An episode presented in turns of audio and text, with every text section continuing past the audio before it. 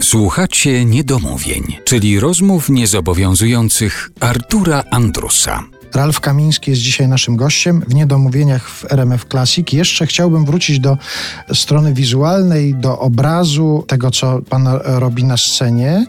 I jeszcze raz powiem o tym, że pewnie nie lubi się porównań, a zwłaszcza już nie lubi się takiego określenia, które kiedyś się pojawi i potem się tak za człowiekiem ciągnie. W pana przypadku pojawiło się kiedyś takie określenie i widzę, że ono wraca w różnych takich publikacjach, że to, co pan robi na scenie, to jest z pogranicza artystycznego popu z elementami muzyki filmowej.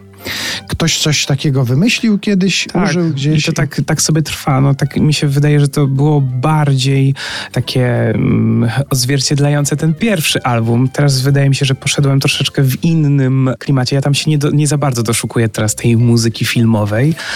Ale może chodziło temu komuś, kto to wymyślił, o właśnie taką obrazowość tego, co się dzieje w tych piosenkach. A ja sobie pomyślałem, że zapytam o to, gdyby to miała być rzeczywiście muzyka filmowa, to jakie by to były filmy?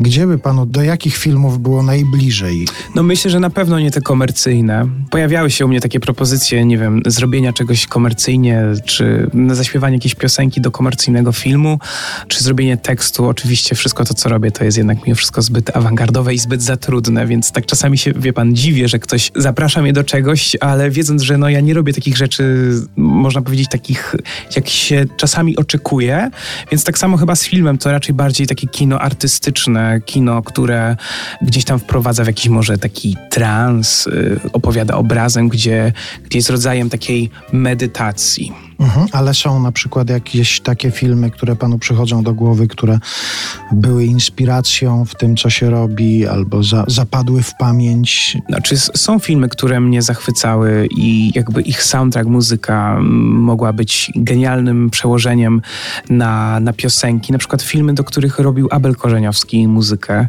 To jest coś niesamowitego, w jaki sposób właśnie wykorzystuje wiolonczele. Tak samo film wszystkim bardzo dobrze znany, Amelia. To tam ogromną, ważną rolę gra ten soundtrack.